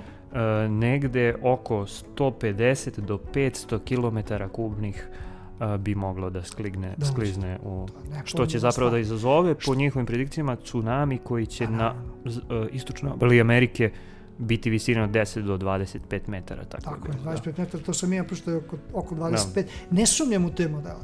Mhm. E, jedino što mislim da a, da je a, da je teško modelovati, odnosno moguće, nemoguće modelovati to kada bi ta ruptura mogla da, da proradi.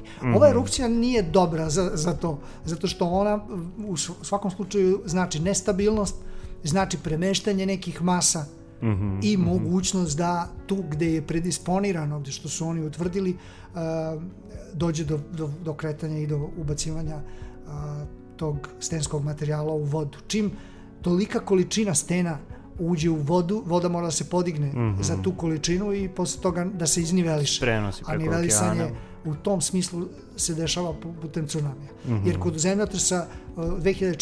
godine u Indijskom okeanu se upravo to dogodilo.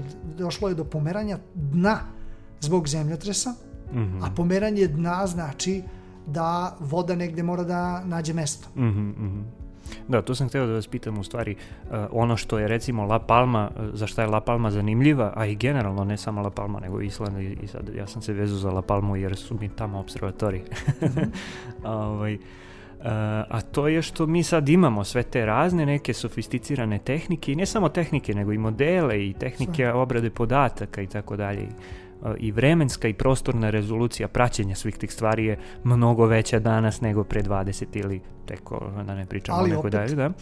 A, ali opet, da, ovaj, e, teško da možemo nešto da uradimo. E, međutim, da, ono što sam htio da vas pitam je e, da je ovo zapravo jedna jako lepa prilika za istraživače vulkanizma. ovaj, Šta mislite koliko god, La da? La Palma, La ali ne samo La. Palma. Da. I ono što sam htio da vas pitam je vezano, za, znači ako pričamo sad o tsunamiju i, i tom ovaj, mega klizištu, odnosno Mhm. uh, flank uh, kolapsu. Uh, jel bilo u neko skorije vreme zapravo takvo, takve situacije sa vulkanom, ne sa zemljotresem, nego sa vulkanom koji je... Mm, e, sa vulkana nešto što je snimljeno, ali e, pravi flankolaps ne. Mhm, pravi flankolaps ne i to je možda neka naša sreća da su ti fenomeni ipak e, relativno redki e, i da se možda neće desiti u narednih hiljadu godina i tako dalje. Ali e, nešto što je poput toga to je odranjanje polovine planine, ali na površini, e, na, na kontinentu, ne, ne u okeanu se desio 80. godine kod erupcije Svete Helene, Mount St. Helenovo u Kaskadama. Kada je poginuo taj vulkanolog o kojem, o kojem sam pričao, udaljen 9, oko 10 km. E, tu je posle stišavanja erupcije zaista ste mogli da vidite kako nedostaje pola planine. Mhm. Ali nije se desio flank kolaps da, da sada to ode kao jedan e, segment koji je e, en mase otišao, to znači da je e, da se njegova interna struktura može videti, da, da, da izgleda kao brdo odvojeno od, od Mhm, tog brda, mhm. već se ipak nekako razlio u vidu nekih većih lahara ili nečega što mi u vulkanologiji zovemo lavinskim drobinama. Znači, to su Mhm. te lavine. Pravi flank kolaps, ono što je meni poznato, nije, Mhm, nije, mhm. nije, se, nije se dogodio. E, možemo sad e, da napravimo jednu kratku muzičku pauzu, pa ćemo da se vratimo na još neke teme i već možda i možemo i da privodimo kraju. Love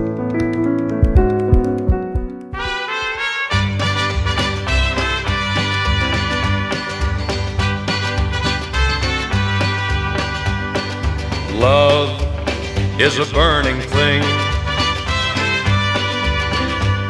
and it makes a fiery ring. Bound by wild desire, I fell into a ring of fire. I fell into a burning ring of fire. I went down, down, down, and the flames went higher.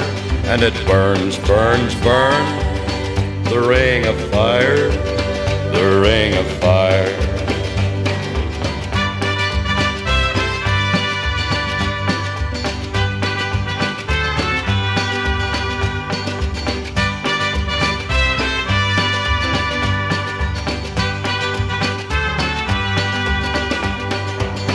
I fell into a burning ring of fire. I went down, down, down, and the flames went higher. And it burns, burns, burns. The ring of fire, the ring of fire. The taste of love is sweet. When hearts like ours meet. Fell for you like a child. Oh, but the fire went wild. I fell into a burning ring of fire. I went down, down, down, and the flames went higher. And it burns, burns, burns. The ring of fire, the ring of fire. I fell into a burning ring of fire. I went down, down, down, and the flames went higher. And it burns, burns, burns. The ring of fire, the ring of fire. And it burns, burns, burns. The ring of fire, the ring of fire, the ring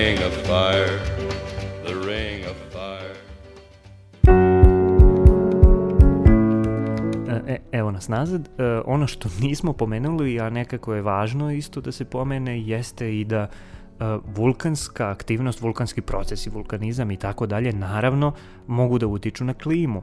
E, I to ne samo da utiču na klimu lokalno, nego i da naprave ogromne, ogromne promene u klimi koje mogu, kao što smo pomenuli kratko u nekom trenutku, e, da izazovu i, ili prate a, velika masovna izumi- izumiranja. A, koji su to sve uticaji na klimu, kako se dešavaju, kako, kako znamo dalje nešto katastrofičko, ovaj, a, a nešto ne. Da. E, po ovim najjačim e, erupcijama koje smo mi imali priliku da posmatramo u vreme kad je vulkanologija već bila razvijena, znate, njih nema mnogo, jer mi smo, Mm. to su erupcije koje se dese jed, jedna ili dve u veku. A, poslednje dve su bile, i ta je vrlo značajna ova poslednja, to je Pinatubo 91. E, prethodno to su u 20. veku su se desile dve Pinatubo 91. to je a, na ostrovu Luzonu na Filipinima i e, Katmai na Aljasci, Nova Rupta, to je vulkan, međutim on, on se desio ovaj, 912. Međutim, on se desio ka, u jednom nenaseljenom regionu, tako da nije ni mnogo proučavan, samo se zna po količini materijala i po onome kako je eru- erupcija bila, da je bila i snažnija od Pinatubo. Pinatubo je u naseljenom regionu i Pinatubo je bio značajan upravo u e, domenu posmatranja uticaja na klimatske promene, na klimu, jer je e, tada, mislim, tih 90. godina konačno shvaćeno da na klimu e, ne utiče vulkanska, vulkanski pepeo i prašina, da ona ne može da se zadrži tako u tim visokim slojevima atmosfere, Mhm. da bi uticala na recimo smanjenje dolaska e, Sunčevu zračenje. sunčevih zraka i uopšte tih tog doprinosa sunčevog. Pinatubo je uspio da dve godine nakon toga zaustavi ovo globalno zagrevanje. S jedne strane je bio malo i pozitivan, ali uh, e, ozbiljno je zaustavio e, to globalno zagrevanje jer su praćeni padovi e, srednjih temperatura godišnjih u e, najmanje dve do tri godine posle erupcije E, i shvatili smo da je dakle razlog e, emanacije gasova, prvenstveno sumpor dioksida koji pravi aerosolne čestice u visokim slojevima. On ne pada jer to je gas ipak i ostaje godinama. I U može da visokim zadrži slojevima atmosfere e, u smislu 100 znači km. prelazi u iz troposfere, izlazi u stratosferu i tako. E, jer se radi o tim e, stubovima eruptivnim koji se mere ke- 20 km i više. Pinatubo ima preko 20 km eruptivni stub. I on je, on je čak i čestice prašine i pepela e, doveo do tih visina. Međutim, one su pale, jer su gravitaciono e, podložne gravitacije, one padaju. One s druge strane, te čestice imaju vi- više problem e, vezan za aer- aviosaobraćaj, tu imamo slučaj sa islamskim vulkanom 2010. godine, koji je i- i 10 e, do 15 puta manjeg intenziteta i uopšte količine nego što je Pinatubo, a izazvao je kolaps e, aviosaobraćaja u čitavoj, čitavoj Evropi. A, njegov eruptivni stup, ne znam da li je išao preko 10 km, a e, ovoga Pinatubo preko 20. Što znači, suština za klimu je to. Jer smo tada, kad smo razumeli to na, na, na Filipinima, mi smo shvatili da su i u, geolo- i u prošlosti, e, malo smo bolje pogledali te vulkanske e, neke epizode, o kojima smo mnogo znali, ali nismo znali sve. I onda smo videli da je čak i bazaltna erupcija bila važna za klimu, to je erupcija Lakije iz 1783. I da je ona povezana sa mm, velikom gladi u Europi koja je nastupila kasnije i čak po nekim varijantama i nekim uh, interpretacijama uh, posredno dovela i do francuske buržoaske revolucije zbog Mhm. povišene cene hrane i svega ostalog što može da utiče, tako da imaju taj socijalni efekat veoma Kao što je kuga u, u, Veoma ovaj, u značajan. Rimu isto imala socijalni... Ka, ali- kao i to, da. Ali hoću da kažem da je su proučavanja pokazala kasnije da je količina bila čak e, 20 puta veća količina sumpor dioksida za vreme te erupcije na Islandu nego uh, erupcija Pinatoba. Znači, Mhm. drastična, velika. Imamo primjeri vulkana Toba, ovoga Tambora 1815, isto su to zvali uh, godine bez leta posle. Mhm, A, tako da e, on je, on je dao mnogo više ma- materijala, 10 do 15 puta više materijala, to je jedna od najvećih erupcija To- u istorijsko to da, vreme, da. A, ali nije imao toliko sumpor dioksida. Mhm. I zbog toga ta, taj uticaj više se kao klimatski uticaj pominju 10 puta ili red veličina niže erupcije po snazi, kao što su Pinatubo ili um, ili Laki. Laki čak nije ni bio eksplozivan, to ste mogli da posmatrate na Islandu da uh, vrlo Se lako da, do- da vidite do- do te izlive, lava, to- izlive lave. da, da, da, na nekim mestima, naravno ne svuda. I tu je otprilike priča sa tim klimatskim promenama. Kod super vulkana e, Mhm. se proračunava da mi još nije, nemamo, nismo uopšte svedočili takvoj erupciji. Super vulkanska erupcija je, bi bila red veličina veća od Tambora. Pitanje je da li To bi... bila Toba. da li bi mogla da ovaj, uopšte uh, opstane, da, da li bi uopšte moglo da opstane svedočenje o Da, supervulkanskom? da, kako bi izgledalo svedočenje naše, da li bi bilo na, na, zapisano u kamenu, ne znam, samo. E, a, stvar je u tome da e, zamisliti nešto što, gde se količina meri e, hiljadama kubnih kilometara e, i uopšte ne, nepojmljivom količinom gasova koje uopšte ne možemo da zamislimo koja bi bila tu. E, to je nešto što u a, vremenu koji se holocenu nije se dogodilo. Znači, u vre- vremenu od ledenog doba na stranu. Da, pa Mi nismo imali takve erupcije. uopšte. to bi napravilo novu ovaj, epohu. Čak erupcija e, za, za klasu niža kao što je Tambora desile su se samo mm, nekoliko u, u tom Mhm, periodu. Što je isto, mm, mislim, nebitno globalno. Ali ako proradi Yellowstone, a mora da proradi, jer on i radi na tom periodu e, mirovanja od e, ne- nekoliko stotina hiljada godina, već mu je prošlo toliko. Jedina je stvar kod toga e, što ja mislim da kada Yellowstone bude hteo da radi u narednih 200 godina, da ćemo mi to ozbiljno znati. u tom 200 momentu, godina u tom pre, momentu, da, 200 godina da. pre. To je moja procena, ako sad nemam konkretne dokaze čime bih mogao da potkrepim, ali to je otprilike ta, to sporo kuvanje svega toga što Mhm, se događa, zato i postoji taj period mirovanja.